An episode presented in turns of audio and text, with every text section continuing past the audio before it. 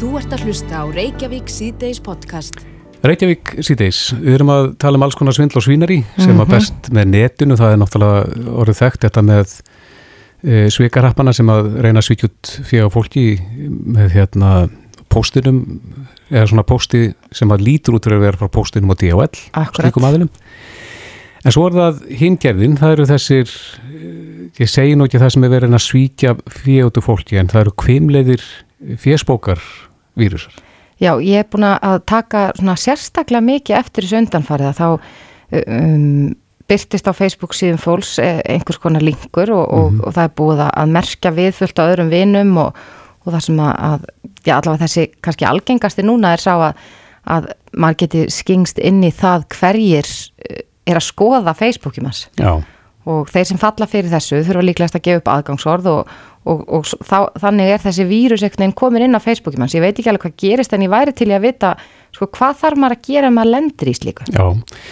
E, á línunni er sérfræðingur í netöryggismálum Valdimár Óskarsson, frangandastjóri Sindis. Sæl. Sælverið. Þetta er kvimleitt en, en eh, er þetta eitthvað hættulegt fyrir okkur og bunduna? Mm, í raun getur þetta verið mjög kvimleitt. Ég er ekki við sem að sé kannski hættulegt fyrir budduna nema, jú, það getur verið. Þegar að þetta gerist og fólk er beðum að, að gefa upp líkilorð eða aðkomstorð líkilorð ef að sá aðilega að nota þetta líkilorð á mörgum stöðum sem hugsanlega tengist einhverjum fjármálum Mm -hmm. að þá náttúrulega hakkirarnir vinna þannig að þeir prófa hérna ímsu staði með þessa samsetningu af, sem er oft tölvupóstfang og, og svo líkilorð. Það sem er vandamálið þarna er að, að mjög margir sem er að skrá sig fyrir einhverju nýjum þjónustum, þeir, uh, þeim er bóðið að, að skrá sig fyrir þjónustum með uh, Facebook aðgengin sínum og ef að þú gerir það sem er oft gert og þú missir aðgangin á Facebook þá ertu búin að missa aðgang á öðrum þjónustum sem að sem að geta verið tengda þessar, þessum Facebook aðgengi. Hvað á fólk að gera sem að lendir í þessu? Er, er, þarf að bregðast hratt við? Þú þarf að bregðast trætt við og það sem að getur gert er að skipta um aðgangsóra á, á Facebook. En nummer 1 og 3 er það er að virka því þetta auðkynningu. Þannig að ef einhver kemst yfir aðgangsórfið þetta og reynir að tengja sér á okkur óþættu tæki þá ætti að koma einhver meldingi á þér það sem að þú þarf að staðfesta aðgangin og ef það er ekki þú þá veistu það er einhver annar sem er að reyna að misnota aðgengið. En er fólk ekki almennt svona, já, trekt við það að virka svona tvíþáttu auðkenningu út af þeim finnst það bara, já, aukið vesen til þess að komast inn á Facebook aðgangi? Jú, en ég held samt að, að, að það er nú hægt að gera þetta þannig að þú getur treyst í tæki, þú gerir þetta bara einu sinni frá hverju tæki. Þannig að þú þurfir þarf ekki alltaf að vera að gera þetta. Þetta poppa það bara upp ef þú ert að tengja inn á Facebook á 12 vinarins eða eitthvað svoleiðis. Þannig að, að, að þú treystir ákveðnu tækjum. En þú treystir náttúrulega ekki einhverju tæki hjá einhverjum manni í Kína eða hvað hann nú er. Nei, en, en e, kalla maður þetta vírus? Er þetta vírus sem er að eh, já, herja á Facebook síðanum hans? Nei, þetta er svona, svona það sem þetta kalla svona vefveiðar. Það er að veiða þig til þess að gera eitthvað til þess að gefa frá þér upplýsingar sem það ætti ekki að gefa. Mm Já. Þannig að það er kannski erfitt að kalla þetta vírus en þetta getur verið notað í svona, uh, til, svona tilgangi sem að já, þú vilt ekki. Það var annað sem að... Já, þú missir Facebook aðgangi en þá Mhm. getur viðkomandi farið að setja inn ímsar upplýsingar og, og, og hérna tengjast þínum vinum eða senda eitthvað á þína vinum sem, að, sem kemur raun ekki frá þér. Þannig að við sjáum þetta oft með áhrifavalda sem mista Instagram Mhm. reikningi sinni eða Facebook að þetta, er- þetta er mjög bagalegt sko, og tekur tíma að fá tilbaka ef, ef það er yfirleitt hægt. En, en það sem ég áttum ekki alveg á, hvað græða þeir á þessu? Þeir greiða það á því að, að, að ef að þeir ná Facebook-akkántinuðinum og þá eru búin að ná yfiráðum yfir öðrum akkántum sem eru tengdu þínu Facebook-akkánt, það getur verið Netflix eða það getur verið eitthvað, eitthvað annað. Þannig að þeir fara bara á stað og, og sjá hvort þeir ná ekki að ná eitthvað að gera einhvern óskunda þannig að þeir hagnist á því og þeir eru líka konum með þá fullt af aðilum sem eru þínu vini sem þeir geta að fara að targeta í auglýsingaherferðum og annað. en er þetta raunverulegar personur sem eru þarna sem sitja þau stafið 12 og er að vinna í þessu eða er þetta einhverju robotar? Ég myndi telli þetta var einhver robotar vegna þess að ef þetta væri raunverulega mannesku þá myndi þeir byrja á því að skipta um líkilorð til að loka þau úti. Það hefur sínt sig að fólk hefur tíma til þess að fara inn og skipta um líkilorð áður en að þeir missa aðkvæmni. Já, ég sá að það var annað sem gekk um daginn uh, það kom sem sagt í skilabóðum frá vinum sem að sögum hverju vöruðu fólk við að opna og þá átti það að tengjast einhverjum myndböndum sem að, sem að fólk var inn á mm. er þetta sama meiði? Þetta, þetta er sama meiði algjörlega mm -hmm. En ráðleggingarna sem þú gefur fólki er þá að virka þessa tvíþátt auðkenningu en, en líka bregðast skjótt við og skiptum líkilorð ef maður verður varfið þetta? Ef með tvíþátt auðkenningu þá er öllum ekki hægt að misnota aðgengið mm -hmm. þannig að þú er búin að tryggja það svolítið fram í tíman en, en hérna með ættu kannski vera svolítið krítiskir og, og, og tjekka hvort þetta sé yfir eitt hægt. Ég held að Facebook bjóði ekki upp á það sko, þú getur séð hverja að skoða akkantið. Nei. En ætti fólk að gera þetta þó að það verði ekki fyrir svona einhverjum árásum að, að, að, að það er nú flesta þjónustu sem að bjóða upp á svona tvíþáttaauðgenningu? Á nokkur svafa bara sem fyrst. Já, akkurat. Þetta gerir vinnu okkar hakkara miklu erfiðari. akkurat. Er þú í því að haka? Ég, nei, eins og ég segja, sko, ég er með fólk í því. Já, og hvernig, virk, hvernig virkar það? Já, við náttúrulega, síðáttu aukinni, það er ekkert sem er 100% störugt, en þetta veitir gríðarlega mikið öryggi. Já, ég, ég meina þitt fólk sem er í því að, er, ah, er það að prófa öryggi fyrirtækja eða? Já, já, við erum bæðið að prófa öryggi sagt, fyrirtækja utanfrá, þeirra, þeirra sínileiki á internetinu og eins líka erum við að herma eftir því að við erum komin inn fyrir teknilega varnir og við sitjum á aukstinn á einhverju starfsmanni þannig að við erum að skoða hvaða hvað óprútin aðli getur gert eftir að hann er komin inn fyrir þessar hefðbundnu teknilegu varnir. Já, og svona heilt yfir liti, hvernig eru varnirnar hjá fyrirtækjunum sem þið prófið? Uh, við skulum segja að 98-99% tilfella þá náum við til allir um segja að við komumst í, í einhverju gang. Það er ekki til sem er 100% örugt En við vorum aðeins að ræða í gæri valdum að bara fyrst við erum komin að þessa, þessa línu, við vorum aðeins að ræða í gæri um, um sko gagnalega. Mm -hmm. Telur þú að almenningur ætti að hafa ágjör af því að, að eh, gögnin sem við geymum inn á Messenger og Google þjónustum og öðru slíku muni einhver tíman leka? Ef við ekki að segja við svona bara gerir ráð fyrir að það geti gerst, en það er ekki þar með að það komi til með að gerast, en ef við ekki alltaf að vera búin undir að vesta. Á fólk sem setja að fara að reynsa út við hvem stílabóð það núna? Það dugar það til? Eða eigum við yfirleitt að vera að senda viðkvæm skilabóð á þessum miðlum. Já, akkurat. Valdimar Óskarsson, Frankvartastjóri Sindis. Kæra þakki fyrir þetta. Takk sem er leiðis. Þú ert að hlusta á Reykjavík C-Days podcast. Reykjavík C-Days heldur áfram. Það voru, voru fréttur um það í daga að helbriðsráþra breyta sagði frá því að nýtt afbreyði SARS-CoV-2 verunar mm -hmm. hafi fundist í landinu. Það fyrir hodlurum marga þegar að mann lesa svona? Já, ég held að sko við svona sem hinn almenni borgari skiljum ekkert endilega hvað þetta þýðir. Þýðir þetta að eh, bóluefni sem búið er að þróa og við mm -hmm. býðum öll spennt eftir um, mun ekki döga á þetta afbríði?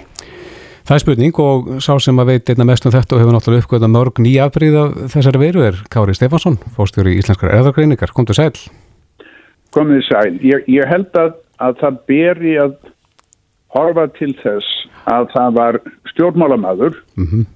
það var breskur heimlismandur að þeirra sem er fyrst og fremst stjórnmálamadur sem er að flytja okkur frettir af nýri veirun Já. og ég held að það sé mjög stinsanlegt að hafa það sem sumalfingusreglu að trú ekki einastu orði af því sem stjórnmálamenn segjum í sem og, og þegar þeir, þegar þeir lýsa tilkomu nýrar veiru mm -hmm. og held ég að maður bara að halla sér aftur í sætunu horfut um gluggan og njóta þess að sjá hvað það er fallist við út í. Og ekki láta þetta tröfla sér hvort ég einn í annan máltan en, það, er, en, það, er, það er staðirind að, að það er það er afbríði af þessari veiru og það eru svo mörg afbríði þessari veiru í, út um allt. En það er afbríði af þessari veiru sem hefur sérst víða sem að, að, að er með bísna margar stöppbreytingar ofan af það sem við sáum upp hefur leifor. Mm -hmm. Þetta sem hann er að öllum lítjundum að vitna til er, er e, veiru stopp sem er með 33 stöppbreytingar ofan á, á e, þetta gamla afbreyði sem kom frá, frá ef ég mann rétt frá Ítalíu frækjar en Östuríki Eh, ef þið veltið því fyrir ykkur hvernig, hvernig er samanbrunn af því við, við það sem við kortluðum frönsku veiruna mm -hmm. það bláu og það var hún með 14 stöppreitingar ván á þetta en þetta höfum við séð og þetta hefur sérst í, í Danmörku og hefur breyst aldrei út þar en það er mjög lítið sem bendir til þess að þessi veira, þessi veira með þessa, þetta stöppbreytinga minnstur flíti sér miklu meira heldur en önnur afbreyða veirunni en þó er sá möguleg leitja að þetta breyðist út í við þaðar en, en það er ekki einhvers sem skiptir en það er mitt í fréttunum að þetta væri meira smitandi. Já, já, ég er að segja flítið, flítið sér ekki. En ég held, ég held að ef þetta flýttur sig einhver hraðar á milli heldur veira með önnur stjórnbreytinga minnstur þá er það afskaplega lítið og síðan ber þess að geta að því að veiru stjórnbreyta sér og það er gerð þá er það yfirleitt hann í að þeir, þeir verði meira smítandi en valdi minni skada mm -hmm. En Kári, hvað þarf e, veiran að stökkbreyta sér mikið til þess að, að þessi bóluefni virki ekki á hana? Ég, ég veit ekki hversu mikið það er og það veit að enginn með fyrst hardla ólíklegt að, að, og er nákvæmlega ekkert sem bendir til þess að þessi vera með þetta stafrætingi munstu slippi framsjá því ónami svari sem bólefnin valda. Það er mjög, mjög ólíklegt. En þú hefur verið mjög gaggrinni ná þegar að tali best að því að slaka á klónni þegar það kemur á sóttvörnum. Nú greindust þrýr í gær, eh, tveir í sóttkví, einn utan. Finnst þér að megi fara að slaka á klónni núna? Ég held að, að það veri askapli og sinnsamlegt þess að nú eru við að sigla inn í jólaháttíðina þar sem menn koma mikið saman sem býður upp á að, að veiran geti breyst út mjög hratt þannig ég held að við eigum að standa á tánum ég held að við eigum að tegja okkur eins langt eins og hægt er til þess að minka samstífti mann á milli þannig að við komumst í í gegnum afkjöndina þessu ári á þess að fá nýja bylgjum. Ég held að, að allt annað væri ósynsanlegt. Já, finnst þér að megi herða þá frekar og, og hvar þá? Ég, sko, ég, ég, Guðisúlof þá stjórna ég þess eldur eldur Sórólfur og sem er miklu elskulegri síðar í maður hættin ég, ég var ég sjálfsagt líklega út til að loka fólk bara inn og henda, henda, henda luftunum en sko ég, ég sko þegar maður, maður horfir á það sem hefur gerst og þá er það sem stendur upp úr að, að þrátt fyrir alla gaggrinja frá mér og öðrum að þá hefur þetta tekist ævintýrlega vel og ég get ekki bent til eins einasta lands það sem mér finnst að þetta hafa tekist betur heldur nú Íslandi Mm -hmm. Þannig að, að ég held að, að félagin minn og fórspróður hans Þórólfur er í mikið hrós stílið fyrir það. Ég hefði samt korsið að við, við farum aðeins valjar, ég hefði eftir opnað sundlögar, ég hefði eftir opnað leikús. Ég hefði haldið að, að það sem við fengum fyrir það væri miklu minna heldur það sem við fórnum. Mm -hmm. En hans skoðun var önnur og, og ég er alveg, alveg sáttu við það. Ég, En Kári, það kom nú fram í, í kvöldrættum stöðvar tvö gæra að fólk verðist ekkit vera að hlýða þeim reglum sem settar eru í sundlögunum. Já, ég er sko vandarmáli þegar að, sko, það sem að, að ég hef nú verið að kvart undan og um, þórólu leiðaða mér fyrir er að, að sko ég er ekkit, ég er ekkit svo sérstaklega upptekkin af efnislegu innihaldi breytingarna sem hefur í gerðar heldur hef ég verið sko gaggrínin á þau skilaboð sem félast í því að leta á klónni núna. Að, að í því félast þau skilaboð að við séum kannski að komast út úr þessu og reynslan undarfarnar mánuði segir okkur að við erum ekkert að komast út úr þessu. Þau fyrir að slaka á klónni þá gýst þetta upp aftur. En, en, en þetta hefur gengið vel. Og við erum að vera þakklátt fyrir það. Og ég held að við erum að njóta þess að, að bú í þessu land sem við búum í þessum að haldið er svona vel utanum fólkið. En, en, en ég hef greinilega augljóslega svo lítið annan stíl heldur en heldur en svo þarna læknis En Kári, hvernig verða jólinn hjá þér? Áttu eh, marga að sem að þú get, nærði ekki að hitta á jólinnum út af þessum takmarkunum? Mm, nei, sko ég reyfist ekkert í, í stórum hóp. Ég, ég vona að ég fá að hitta í þann hluta barnabarna minna sem, sem bú á Íslandi. Og annars þess að ég fá að hitta þau barna minna sem bú á Íslandi og, og ef ég fæ það þá er skiptir hitt litlu máli Nei, það áttu sáttur maður er ég sagt alveg upp fyrir höfðu svo niður fyrir tæl Já, akkurat. En svona til að streika undir að þá þurfum við ekki að hafa neina ráðgjur af uh, þessu nýja afbríði sem að þeirra Breitlands var að tala um. Ég hefði á tilfinningunum að helbiðismálar af ráðsverða breyta hafi verið að tala um þessa innan djálfsalappa nýju veiru þessa réttlæta hertar aðgerðir í London. Ég held að að, að, að, að Baci yfirlýsingu hans hafi búið einhvers konar hugmyndum að geta nýtt til þessa veiru sem tæki til þess að hvetja fólk til þess að fara varlegar í London. Já, þannig að við ættum að hlusta á þig og hætta að hlusta á, á þessa pólitíkusa. Ég var alls ekki að segja þú eftir að hlusta á mig, ég var einnig að benda á að þegar að stjórnmálamenn standa upp og tjá sig, þegar stjórnmálamenn standa upp og segja að það komi ný veira, Mm -hmm. þá held ég að það sé full ástæði til þess að horfa á það til þess að hlusta á það að töluverði gaggrinni og muna að, að menn hljóta yfirleitt ekki kostningu til þings. Menn komast yfirleitt ekki ráðtæra ennbætti fyrir afrið sín í vísundum Nei. Kári Stefánsson, forstjóri Íslenskra erðagreiningar. Kærar þakki fyrir þetta. Hlustaðu hvena sem er á Reykjavík C-Days podcast. Reykjavík sýtis heldur áfram.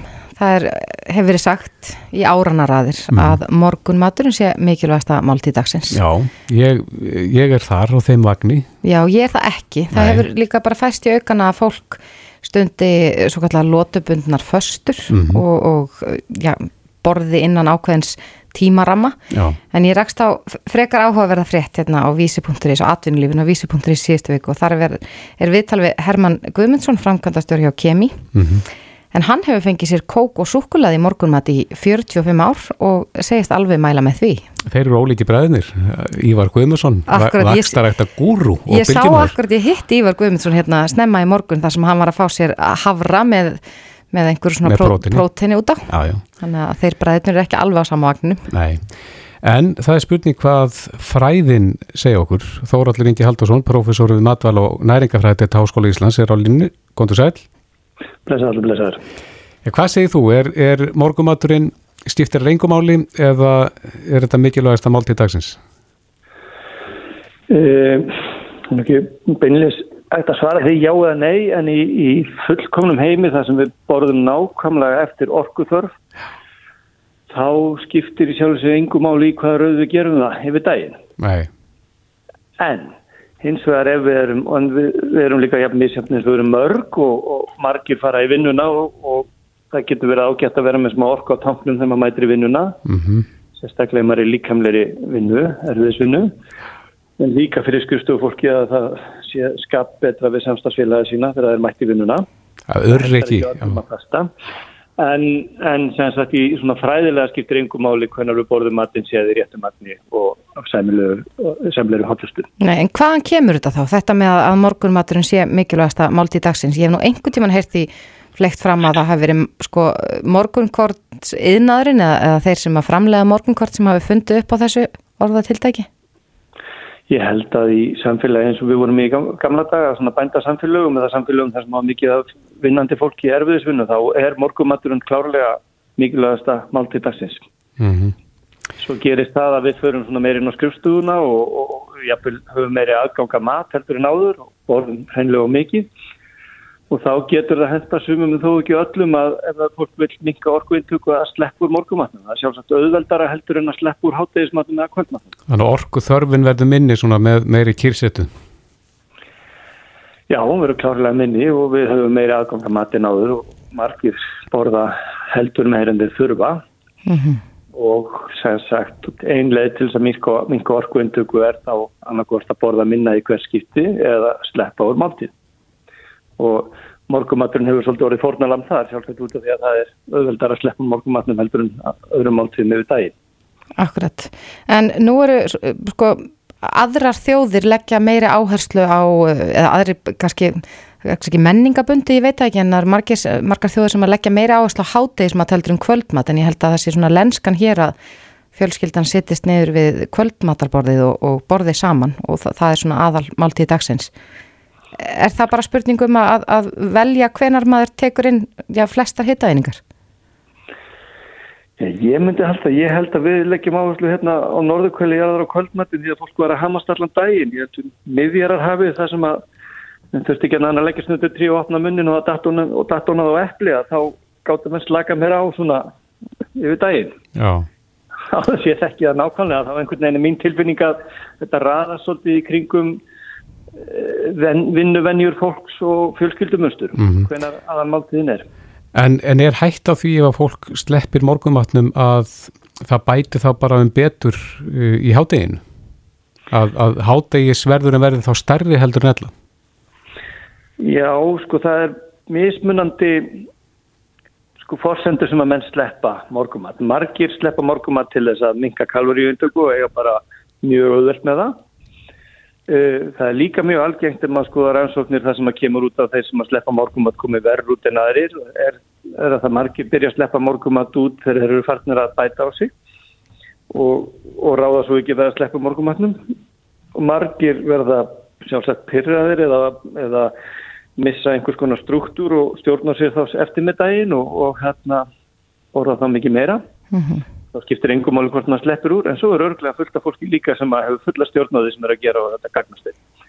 Þannig að það er ekkert að setja þetta undir eitt hatt. Nei, en maður hefur líka heyrt rauk uh, fyrir morgumatnum er að þú ert þá að koma brennslunni í gang. Þess að við það að, að innbyrða hittæningar að þá, þá rökk við vélinn í gang, brunavélinn Er eitthvað til í því? Það getur sjálfsagt verið rétt sko. En, en þú ert líka einbyrða kalorið þá mm -hmm. þú ert að fara að brenna en ég held að sko það sé ekki að segja eitt af eða á en þetta hendar mjög mörgum verið störa mm -hmm. en þetta getur líka verið fyrir suma sem að eiga erfitt með að hafa stjórn á mataræði eða, eða vilja taka ekki egna þá getur líka hendað að vera með þess að þrjálföstu máltíðir en sleppa á milli til að hafa stjórn Akkurat, já mér finnst það svolítið svona fari báður áttu stundum er sagt að það sé heilsusamlegt að borða sex litlar máltíðar yfir daginn og, og aðrir segja að það sé gott að borða bara þrjár stórar. Já, en ég held að þetta sé sko allt leiða saman markinu.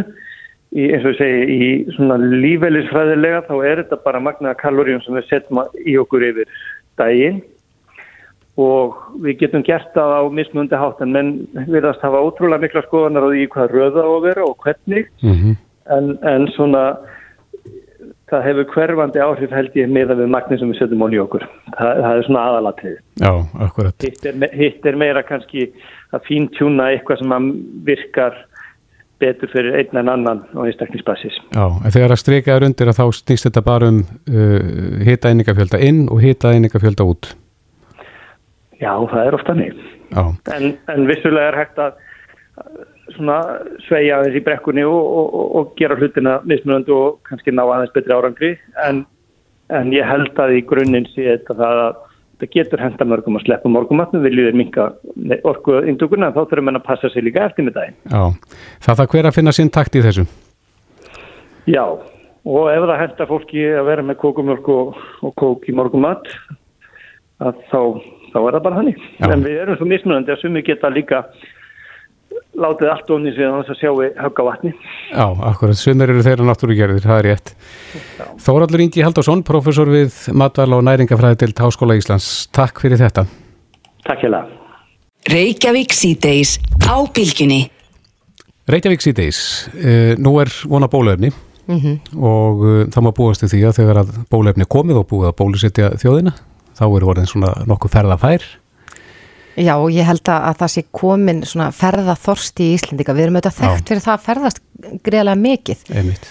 margir sem að flýja dimmasta veturinn og fara eitthvað söður á bóin mm -hmm. og það er spurning hvort að verði eitthvað stípla sem að bresti þegar það kemur á þessum tímapunkti. En þá er líka spurning hvort að þá gildi lagmál frambóð eftirspurnar og hvort við síðan þá horfum fram á það að að eh, fargjöldin komið til með að hækka upp úr öllu. Mm -hmm. Leitnum til reynsluboltana, Jón Karl Ólásson, fyrirrandi fórstýra Æslandir, er á línu, kom til sæl. Góðan daginn. Já, hvað segir þú og svona þín reynsla úr þessum bransa? Má búast við því að, að fargjöld hækki upp úr öllu þegar að landin fyrir að hrúast til útlanda?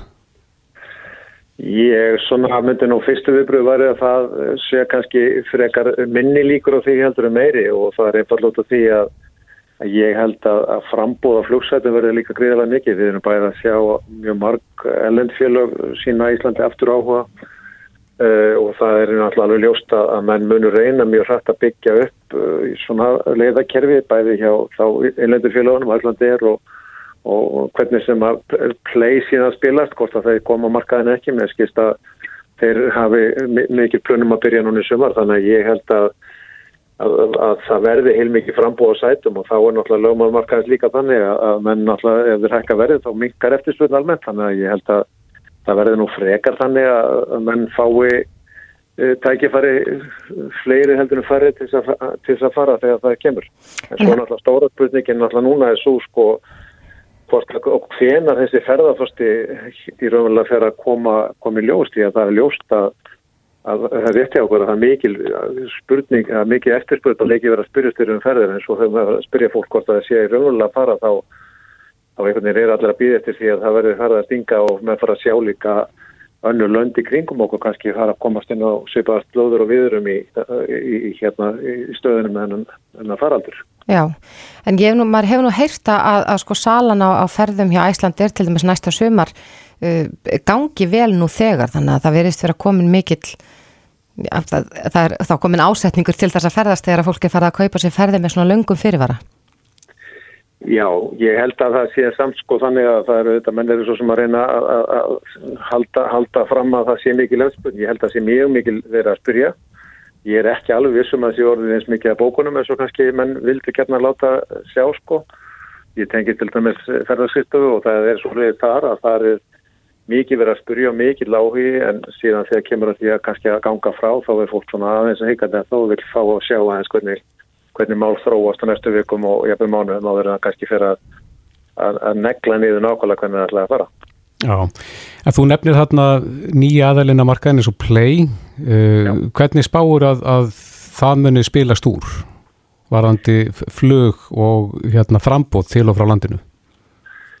Já sko, ef við byrjum alltaf á ellendu félagunum þá, þá kemur ljósa við laðum rétt að það eru beinir um, um slott eða, eða stöður í keflavíkur meira heldur en það voru á saman tími fyrra. Þannig að það virðist vera mikill áhug og það eru mörg fyrrfélag farin að að, að horfa til þess að það verði svona einhver, gangur í þessu svona þegar liðið tekur einu árið þannig að ég hef svona mikla trú á því að það verði alveg ágættis frambóð af flugi, við sjáum að viss er þegar komið inn og þeir eru að fljúa uh, þó nokkuð mikið nú þegar.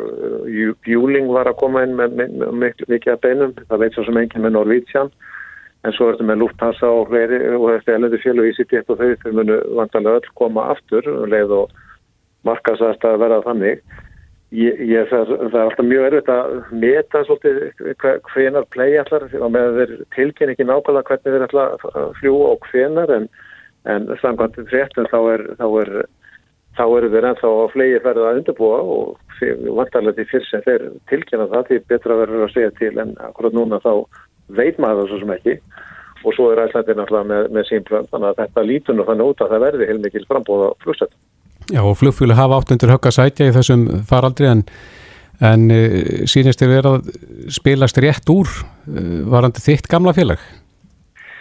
Já, já, það er náttúrulega svo sem aðeins sláandi fréttina frá bandaríkjanum að þeir eru að tala núna um að það verði ekki komið svona einhver hjarðunum með það fyrir nögtum að svona setni hlutanum á árinu Mm -hmm. og það getur auðvitað haft því áhrif að eftirspunni eftir, eftir flugið þangar mun hugsalega verða heldur, heldur minni kannski svona þangar til, til það fyrir að verða eitthvað vissa fyrir því að það sé að ganga það niður þessi farandur þannig að maður svona minnskoti færfrétti voru ekki alveg til þess allar að maður svona sæði þetta gerðist ég pratt og mennur að vonast til. En, en ég held að ferði til Íslands getur tekið við sér fyrr sérstaklega við náum að koma hér landinu þannig að það verður komið vel bólusett þegar kemur eins og einn annan ásverðing á, á næsta ári. En er eitthvað því til fyrirstöðu fyrir Íslandinga sem eru búinir að fá bólusetningar að já, skella sér til dæmis til bandarækina þó að hjarð ónami hafi ekki verið náð þar?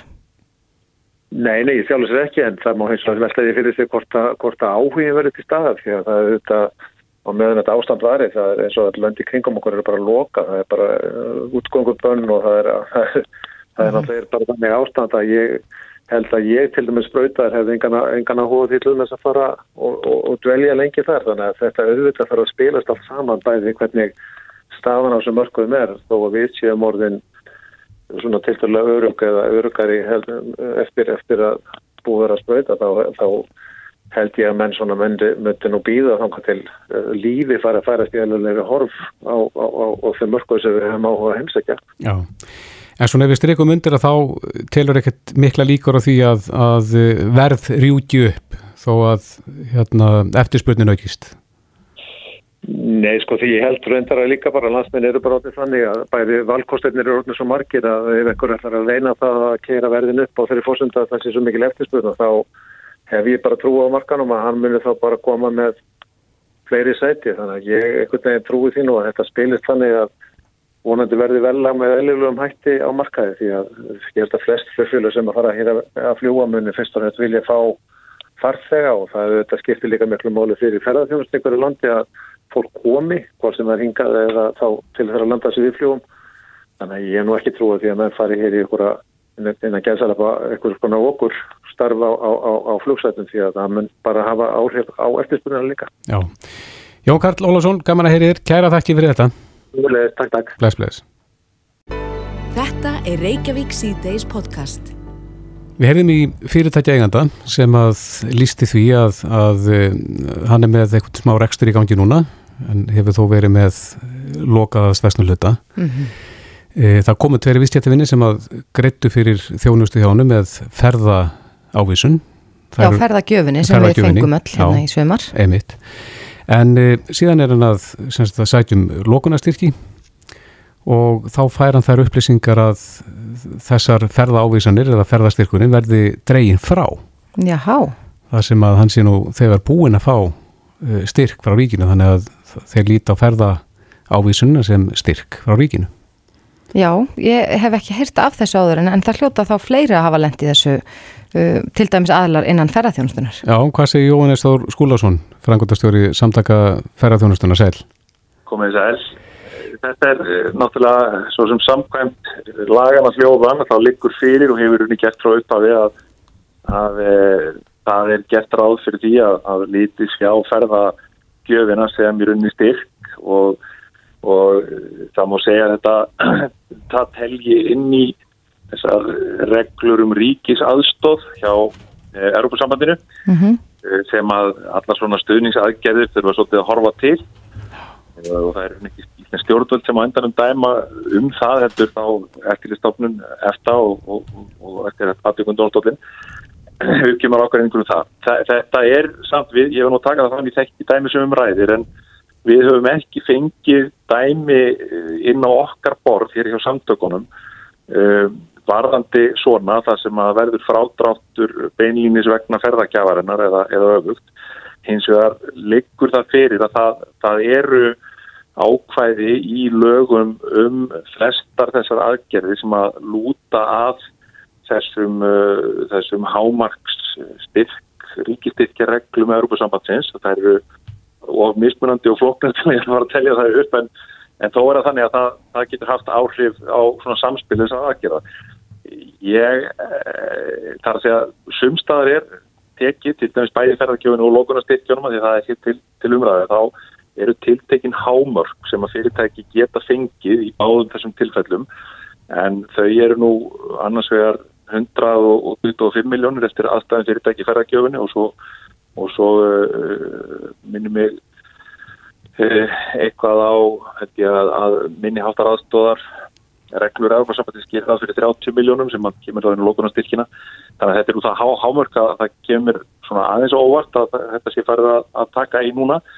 Um, það er eins og er ekkert í lögunum sjálfum sem að beinlíni segir með orðana sljóðan að, að annað skuli dragast frá hinnu þannig að að þetta er nú eitthvað sem að ég held að við komandi ætti kannski að kanna aðeins betur og, og, og þá ef hann er hjá hansmunarsamtökum að, að fá þau til að skoða þetta fyrir sig.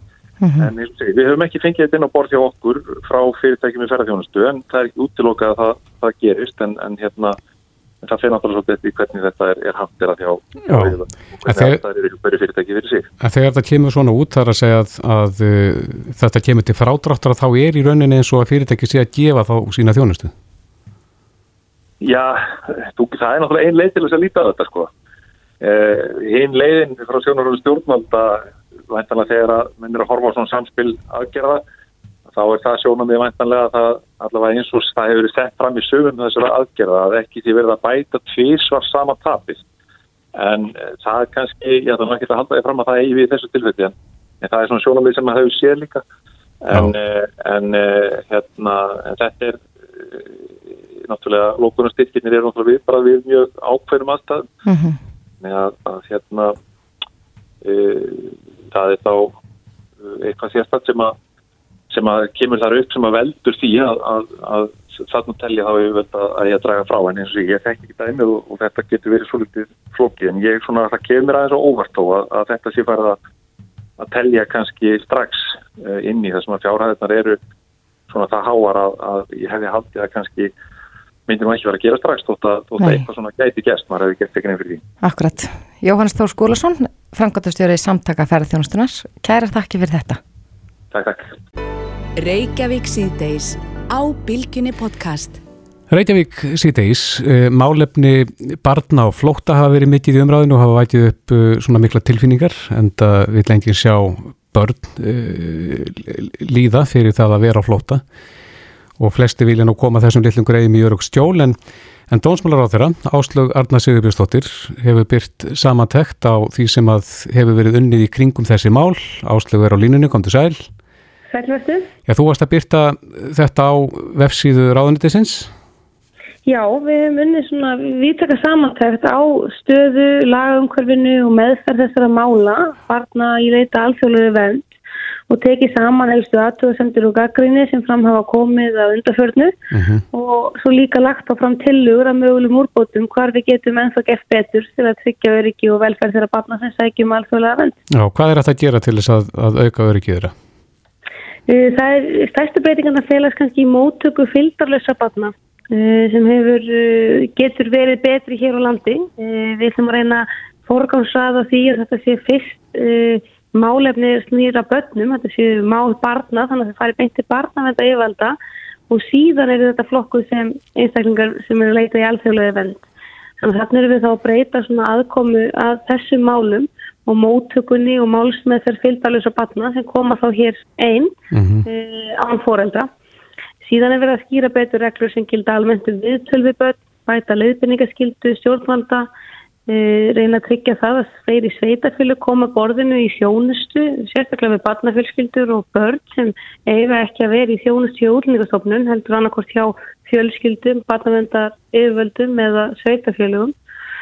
Eh, þá er þetta auka sérfæðisekkingu í þessum málum og eh, auka bæta stöðuna hjá útlendingastofnun og fleira, þannig að þarna eru lagðar ímsar tilugur til að bæta verklægið. Mm, þýða, þýða þessa tilugur og að því að þetta er langur listi sem hún tilar þetta upp að, þetta hafi verið í ykkur mólistring? Sko samanþettunni leiði það í ljós að meginreglu barnansáttmálans og marginarsáttmála Evrópu það er endurspeglast alveg vel í lögunum og reglugerðin er varða börnafóta en kannski við framkvæmt lagana e, kemur ljós að það er ennþá tækifæri til að gera betur og sumt hefur kannski verið í ferli, þarf að flýta annað er svona nýjar hugmyndir og með fylgdalessu börnin og þá er verið að horfa til íska kerfisin sem hefur svona þótt framúsgarandi. Að hvaða leiti þá? Eh, það er þá varðandi fylgdalessu börnin að þau hafi eh, litið fyrst og fremst á þau börn sem börn og síðar sem umsækjendur um alþjóðlega vend og þá farið þau fyrst í e, hérna, umsjón barnavendauðvölda og þetta er þetta íska barnavendakerfið e, sem Európaráð hefur bent á sem fyrirmyndað málsmæðferð fyrir fylgdalessu börn. Mm. Hvernig eru þessi fylgdalösu börn að koma til landsins? Hvað, hvað nær, nær þetta langt niður í aldri? Það er svo sem allur gangur á því hérna, hvernig þau koma. Þau koma hérna, stundum í fylg með einhverjum öðrum þá eða sé ekki fjölskyldumæli mér og stundum í hóp. Þau eru svo sem síðan mis gömul, um, þeir sem koma hingað, það eru margir á aldrinum 15 til 17 ára en síðan eru þó talsverðu fjöldi yngre en það sem er að koma hinga. Mm. En það er svona mjög eftir árum uh, hvað það eru uh, mörgbörn sem hinga að leita sem eru fylgdalus. Já, svo, svo koma stundum upp og annars lagið mál þar sem að fólk hristir einfalla hausin yfir og finnst þetta þurfi að vera mannestjulegra kjærfi eins og til dæmis börn sem að eru fætt hér á landi búin að vera hér í einhver ár, uh, kunna nánast ekkert nema íslensku en á síðan að vísa á landi.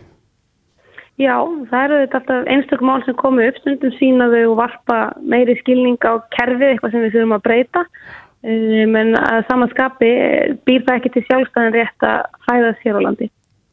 Nei. Það gerir það ekki heldur í löndunum í kringum okkur. Nei, en, en mætti ekki sína uh, börnum í slíkir aðstöðu meiri stíling?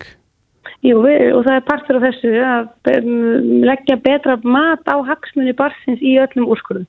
Og þá kemur auðvitað margt inn og það er þessi sjálfstæði réttur sem auðvitað treyður í barnasáttmálunum uh, almennt og, það er auðvitað líka uh, varðandi jafnbræði, það er varðandi að stuðla því að þau með láti í, í ljóð skoðinu sínar að það sé tekin ákvörðun sem er barni fyrir bestu og uh, það hefur hafa börn þennan sjálfstæði, sjálfstæði mannrættindi.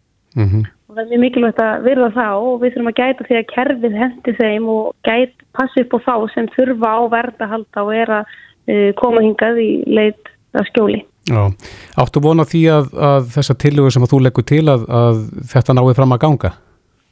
Já, þeim hefur verið vel tekið í ríkistjórn og hafa farið til umræðu í þingmannanemndinni e, þar sem þingmenn allra flokka sitja. E, eitt flokkarinn flokki þannig að þar hefur farið frá umræðu um þessi mál. Ég hef síðan rættu við félagsmálar á þeirra þar sem það snýstu auðvitað mikið að batnavenda yfirvöldum.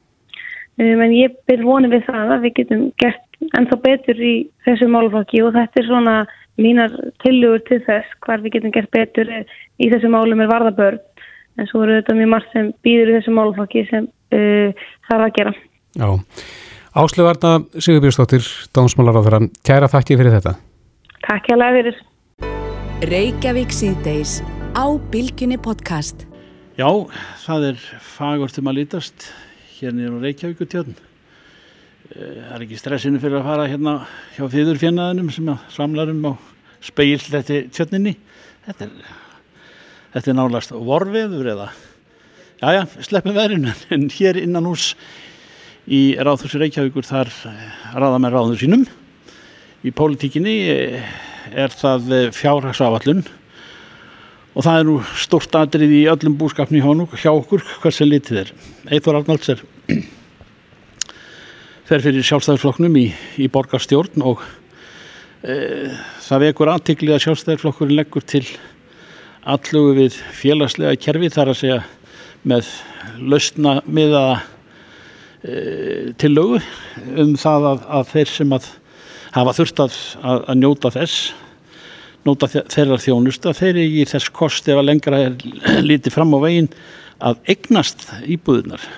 Hljómar kannski sérkennilega, já, frá sjálfstæðarflóknum og svo maður tala nú á gamlu pólitísku nótum en, en, en líka það að þetta skuli vera ákveði kerfi sem að þeir eru búin að bóða hér, hefur þetta ekki verið tekið vel? Já, það verður allavega engin eh, gaggrínt þetta eh, ennþá, en það sem við sjáum bara er það að kerfið er stórt. Það er um 2900 íbúðir sem að Reykjavík borgar með í félagsbústöðum. Eh, þeir voru 800 fyrir eh, ekki svo lengur síðan þegar að félagsbústöð voru stopnaðir. Þannig að við sjáum að kerfið er að stækka og þá segja einhverja við erum að gera vel að því kerfið er stort. En það getur líka verið að það bendir til þess að vandin sé við svo mikill og þess vegna hefur kerfið stækkað. Og þegar við horfum til þess hvað margir komast út úr kerfinu því að kerfið eru úrræði til þess að hjálpa fólki að þá er það ekki nema 1% á ári. Og þegar við síðan skoðum eh, hvað fólkinu finnst að þá er 80% leiðanda eh, samkvæmt konun í bólánsjós á því að þeir vilji eignast íbúð og það sem við segjum er það að e, þessi mikli fastegna eigandi Reykjavík borg sem á núna um 3000 íbúður eh, ætti að gefa leyendur sínum möguleika á að eignast íbúðunar með því að hjálpa þeim fyrsta spölin. Það er til hann, 100 íbúður ári, þannig að leyendunir getur orðið eigendur. Eh, ég staldra við það, e, með, með hreitni eftirgjöf á leigu eða, eða, eða hvernig? Já, þá einfallega með því að, að lána fyrir útborgun, þannig að, að þarna væri eigin fjár lán, þannig að, að fólk sem ekki kannski ætti mikla peninga gæti í staðin fyrir að borga leigu borga þá útborgununa mm -hmm. og síðan borgað af, af láninu þar sem eftir er. Og það vinst með þessu svo margt. Í fyrsta lagi að fólki fær öryggi og frelsi með því að veri ekki háð öðrum. Í öðru lagi þá er það ekki refsað þó að það afli sér meiri tekna. Því í dag er tekið viðmið í þessu kerfi og svo í þrýðarlegi þá er Reykjavíkuborg þá uh, kannski tilbúin að horfa á þá sem er á bygglistanum í stæðan fyrir að vera með alltaf stærra og stærra kerfi og uh, svo að lókum þá er það þannig að Reykjavíkuborg er ekkit kannski besti eigandin að vera sjáum viðhald og annað heldur fólki sjálft og Reykjavíkuborg getur þá frekar stuðlaða því að hér sé eðlilega umgjörð því ástæðan fyrir því að þetta kerfi er svo stórt er það að húsnæðisverðið er bara of dýrt það er of hátt verð hérna í borginni vegna þess að það vantar hagstæðar byggingalóðir mm. þar þarf Reykjavíkuborg að bæta. Eh, þú segir 80% þeirra sem að eh, leia eða eru til umræðu í þessari lausnikar eh, eru þessu mjög fylgjandi en það er ekki allir fylgjandi því hér í, í ráðusunnu. Nú er, er náttúrulega minnsmöndi skoðun á úræðum. Við teljum að félagsli úræðu séu til þess að grýpa fólk og hjálpa fólki síðan aftur út í almennakerfið. Mm. Eh, ég tel persónulega að stærra félagslegt kerfi sé ekki endilega betra. Ég tel að mæli hvar á árangur þegar þú kemur fólkin aftur út. Bara alveg eins og heilbríðskerfinu. Það grýpur fólk þegar eitthvað er að og síðan vil fólk fara bara aftur út í almenna líf. Mm -hmm. En hefur þessi verið hafnað hér eða er þetta á einhver umræðust í? Já, þetta er til umræði í borgarstöð, ég gerir áfram að fundurum verið til minnættis, eh, þetta er langa fundur, við erum með 20 tilögur, mm. en eh, ég á, á frekar vonað því að þessu verði hafnað, ég tel að, að það verður miklu betra meirilutin myndi vinna með minnilutunum, það hefur gefist vel í minni sveitafélagum og eh, einmitt í kringum svona korunukrísu þá eiga menn að vinna meira saman og þetta er bara okkar innlegg í að gera betri borg. Mm -hmm. Þannig að þú vilt ekki segja um lyktir málsins fyrir eftir minnötti. Nei, það er í höndum meirulitans en alla góður hugmyndir eru þannig að, að það er á endanum verða veruleika. Mm. Það er ekki undir þessu meiruluta þá verður það bara næst. Mm. Fjárhags áallin til umræðu og, og hún er, hún er markþægt og, og þar fram með til götunum en, en, en það er líka víða sem að reynir á þálrifin í þeim sem að halda um taumana í, fjármálu hér á Íslandi núna á síðustu vestu góði tímum. Já og það þarf að fara vel með. Við hefum gaggrínt að borginn sé til dæmis með malbyggunastöðu í samkeppni við aðra og ætla að flytja hann upp á ESU fyrir miljardar. Við gaggrínt það að Reykjavík borg sé með bundna 10 miljardar í gagnavitunni sem er fjarskiptakerfi í samkeppni við aðra og þegar að því er haldið fram að það sé svo gott fyrir markaðin að þá erum við alveg blindaður af því að hér er verið að binda skulda klafa á borgina. Borgin er að taka 52 miljardar í lánu næsta ári og við teljum að það sé bara mikið. Það sem gerist þegar að borgin skuldsetur á mikið er það að vextir hækka. Það er hækkuðu núna frá því mæ úr 2,99% í 4,5%. Það er gríðilega hækkun á hálfu ári. Já, lengra förum við ekki í bókaldi borgarinnar Eithor Rönnars. Takk fyrir þetta kjalla. Takk. Reykjavík síðdeis á Bilginni podcast. Reykjavík síðdeis á Bilginni. Í dag er 15. desember. Á hugsaður. Það stýttist í jólinn. Mm -hmm. En uh, ég var að hugsa það í morgun, ég fór út að skokka fyrir vinnu og ég hljóp uh, bara á peysunni. Já. Sem er kannski svolítið óheðbundið fyrir þannan árstíma. Já, eitthvað tíma hefði maður bara vaðið snjóinn. En þetta er svo sem hérna ímis konar. Já, en það var nú bara, það var bara hlýtt sko og, og undanfarnar daga hefur þetta verið mjög hlýtt. Allt þetta sé óvinni hlýtt með að ástíma? Ég veit það ekki, en ég hugsaði allavega í morgunna að, að það bara hrætti mig pínu. Ég veit ekki hvort ég hafi verið hugsa um hamfara hlínun eða, eða hvaða var, en, en allavega þóttu mér þetta frekar óvinnilegt. Þetta er ekki stjæmtlaupið? Nei, alls ekki. þetta var eitthvað bara dásalegt. Já, en eh, Einar Sveinbjörnsson eh, hjá veðurvaktinni og blika.is er á línunni, sæl? Já, svo sælverði. Já, hvað segir þú? Hamfara hlínun, þetta eru orð sem kom upp þegar að maður upplifir þetta veður.